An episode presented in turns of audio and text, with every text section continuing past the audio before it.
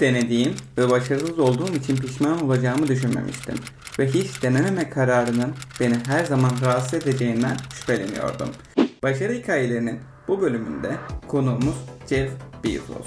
Jeffrey Preston Bezos, dünya çapında faaliyet gösteren teknoloji şirketi Amazon'un kurucusu, CEO'su ve başkanı olarak bilinen Amerikalı internet girişimcisi, sanayici, medya sahibi ve yatırımcıdır. 2017 öncesi Forbes servet endeksindeki listesindeki ilk 100 milyarderden biri olan Bezos, 2017 sonrası ise dünyanın en zengin kişisi oldu ve Temmuz 2018'de net serveti 150 milyar Amerikan dolarını geçti. Geliştirdiği bu girişimin başarı doğurmasıyla Time dergisi tarafından 1999'da yılın kişisi seçildi. Blue Origin'in de kurucusu ve sahibi olan Bezos, 2013 yılında The Washington Post gazetesini satın alarak medya sektörüne de giriş yaptı. Jeff Bezos'un başarı öyküsü, yaratıcılık, tek fikirli odaklanma ve en yüksek tüketici deneyimini sağlama isteği temelleri üzerine inşa edilmiştir.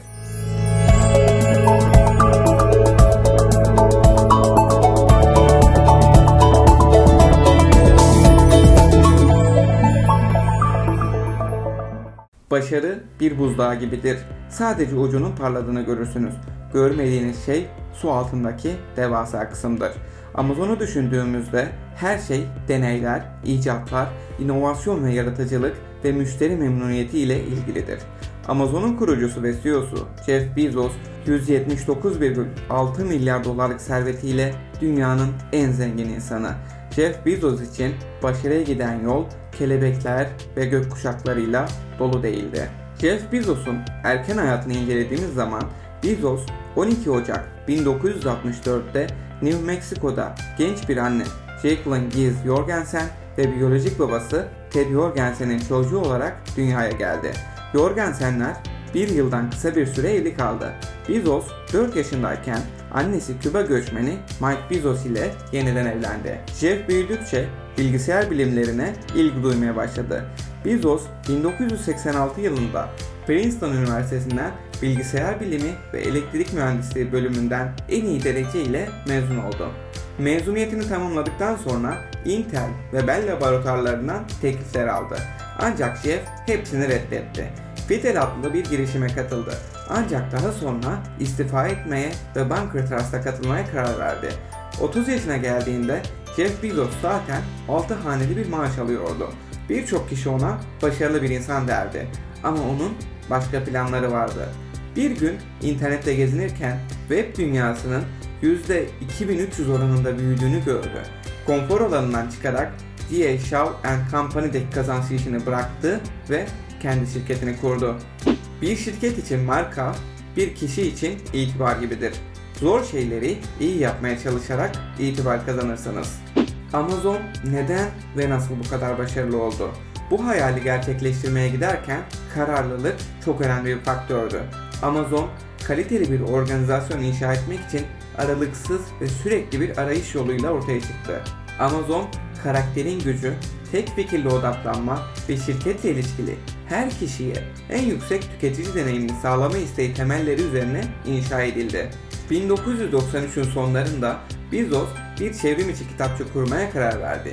D.A. Shaw'daki işinden ayrıldı ve 5 Temmuz 1994'te garajında Amazon'u kurdu. Bezos, Seattle'a yerleşmeden önce vergi ödemekten kaçınmak için şirketini San Francisco yakınlarındaki bir Hindistan yerleşimi yerinde kurmayı planladı. Bezos başlangıçta yeni şirketine Kadabra ismini verdi. Ancak daha sonra adını Güney Amerika'daki dolambaçlı Amazon nehrinden alarak Amazon olarak değiştirdi. Bunun nedeni kısmen bu ismin alfabenin başındaki A harfiyle başlamasıydı. Ebeveynlerinden tahmini 300 bin dolar kabul etti ve Amazon'a yatırım yaptı. Birçok erken yatırımcıyı Amazon'un iflas edeceği veya iflas edeceği ihtimalinin %70 olduğu konusunda uyardı. Amazon başlangıçta çevrimiçi bir kitapçı olmasına rağmen Jeff Bezos her zaman diğer ürünlere açılmayı planlamıştı.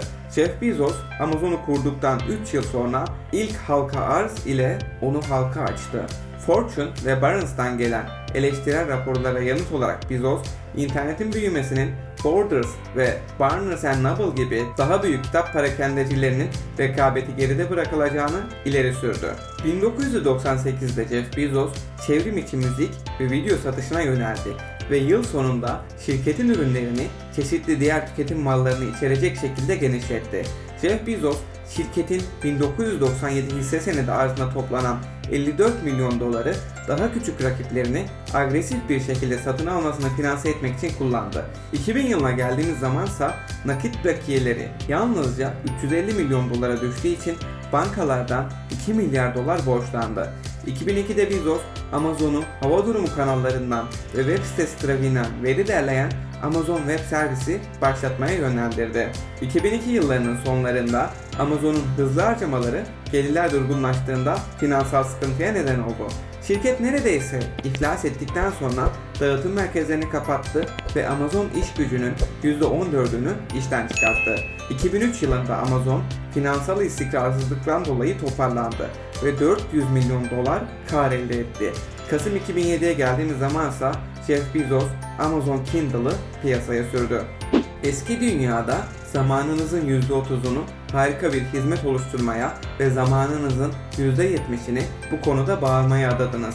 Yeni dünyada ise bu tersine döner. 2008 yılına geldiğimizde ise Jeff Bezos video oyunları deneyimlerini benzer şekilde okumada akış durumuna izin veren bir cihaz oluşturmak istedi. 2013 yılında Bezos, Amazon Web Service adına Merkezi İstihbarat Teşkilatı yani CIA ile 600 milyon dolarlık bir sözleşme imzaladı. O yılın Ekim ayında Amazon dünyanın en büyük çevrim içi alışveriş parakendesi olarak kabul edildi. Mayıs 2016'da Bezos şirketteki 1 milyondan biraz fazla hissesini 671 milyon dolara sattı. Bu Amazon hisselerinin bir kısmını satarak elde ettiği en büyük meblağıydı. 4 Ağustos 2016'da Bezos hisselerinin 1 milyonunu 756,7 milyon dolara sattı. Bir yıl sonra Jeff Bezos şirketin dağıtım merkezlerinde işe alımları hızlandırarak 130 bin yeni çalışanı işe aldı. 19 Ocak 2018 itibariyle Amazon hisseleri 109 milyar doların biraz üzerinde değer kazanmıştı. Aylar sonra diğer şirketler için özellikle de Blue Origin için nakit toplamak amacıyla hisse senedi satmaya başladı. Burada da biraz Blue Origin'e değinmek istiyorum sevgili dostlarım. 2000 yılında Bezos uzay yolculuğunun maliyetini düşürerek ödeme yapan müşterilere erişilebilir kılmak için teknolojiler geliştiren bir havacılık şirketi olan Blue Origin'i kurdu. 10,5 yıl boyunca şirket sessizce çalıştı. Ardından 2016'da Bezos muhabirleri Seattle'ın hemen güneyindeki Kent Washington'daki genel merkezini ziyaret etmeye davet etti. İnsanları yalnızca ziyaret etmekle kalmayıp sonunda uzayı kolonize eden bir vizyon tanımladı. 2017'de Bezos Blue Origin'i finanse etmek için yılda yaklaşık 1 milyar dolarlık Amazon hissesi satma sözü verdi. 2 yıl sonra Blue Origin Ay'a iniş aracını ortaya çıkarttı ve şirketin turistleri birkaç dakikalığına uzaya götürecek olan Suborbital New Shepard roketinin test uçuşlarını gerçekleştireceğini söyledi. Uzaya giden bir yolu inşa edeceğiz ve sonra inanılmaz şeyler olacak dedi Jeff Bezos. Ağustos 2019'da NASA, Blue Origin'in Ay'a ve Mars'a ulaşmak için 19 teknoloji projesinde işbirliği yapmak üzere seçilen 13 şirket arasında olduğunu duyurdu. Blue Origin, sıvı yakıtlı roketler için motor memelerinin yanı sıra Ay için güvenli ve hassas bir iniş sistemi geliştiriyor. Şirket ayrıca NASA'nın Kennedy Uzay Merkezi'nin hemen dışındaki yenilenmiş bir kompleksten yeniden kullanılabilir roketleri inşa etmek ve fırlatmak için NASA ile birlikte çalışıyor. Amazon'un kurucusu Jeff Bezos, sahibi olduğu uzay araştırmaları şirketi Blue Origin roketi ile 20 Temmuz'da uzaya gitti. Ekip kısa süre sonra dünyaya döndü. Mürettebatının tamamı sivillerden oluşan ve pilotsuz yapılan uçuş tarihte bir ilk olma özelliği taşıyor. Uçuşta Bezos'a kardeşi Mark Bezos'un yanı sıra Amerikalı kadın havacı 82 yaşındaki Wally Funk ve Somers Capital Partners şirketinin üst düzey yöneticisinin 18 yaşındaki fizik öğrencisi oğlu Oliver Demon eşlik etti. Oliver Demon uzaya giden en genç, Funk ise en yaşlı kişi oldu. Uçuştan önce hızlandırılmış eğitim gören Bezos ve beraberindekileri taşıyan aracın 106 kilometre yüksekliğe çıkması hedeflendi. 10 dakikalık uçuştan sonra Texas eyaletinin batısındaki Ücra Çöl'e inen kapsülden çıkan Jeff Bezos, deneyimini tanımlamak için en harika gün kelimelerini kullandı. Hayatta kalma modunda olamayız, büyüme modunda olmalıyız. 29 Ocak 2018'de Jeff Bezos Amazon'un Super Bowl reklamında yer aldı. 1 Şubat 2018'e geldiğimiz zaman Amazon 2 milyar dolarlık 3 aylık kazançla bugüne kadarki en yüksek karını bildirdi.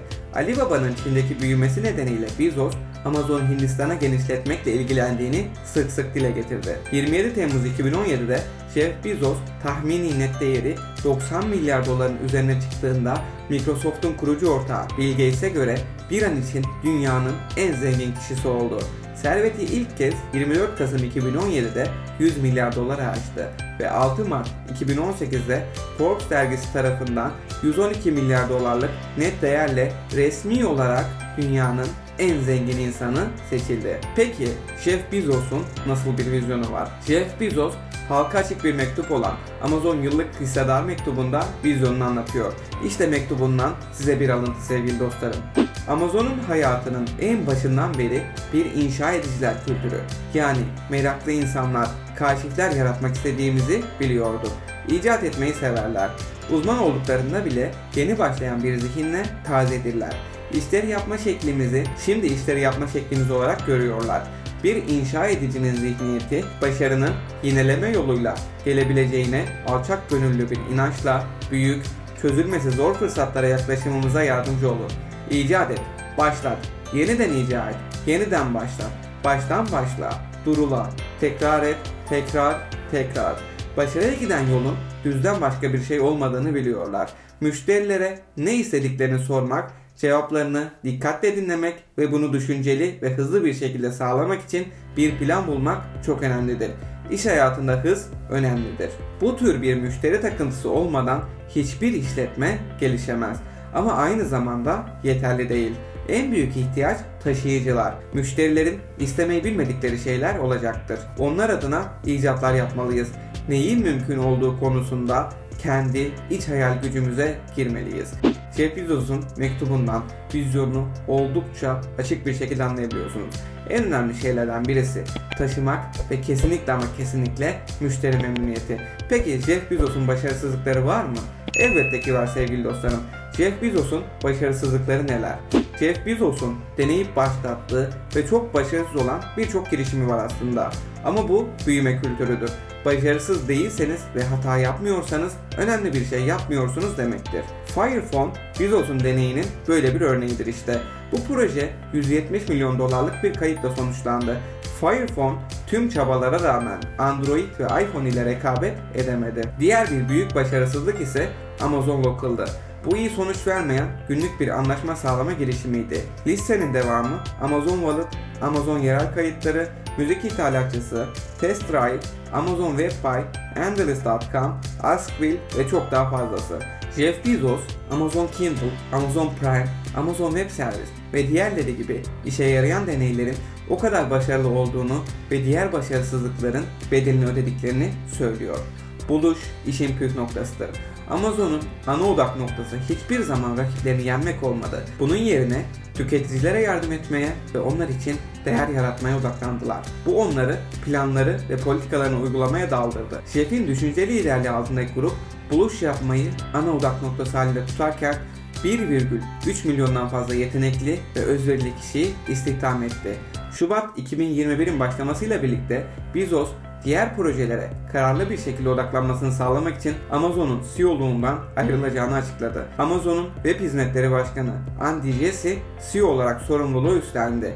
Dünyanın dört bir yanındaki çalışanlarına yürek ısıtan bir e-postayla hitap eden Bezos, Andy'nin gelecekteki liderlik rollerine tam güvenini verirken yepyeni bir ürün serisini geliştirme planını da açıkladı. Jeff Bezos'un kariyer yörüngesi bir fikrin siz onu deneyene kadar her zaman bir fikir olarak kalacağını gösteriyor. Başarısız olabilir, başarılı da olabilir. Ama başarılı olursa kim bilir? Herkes başarısının zirvesinde olabilir.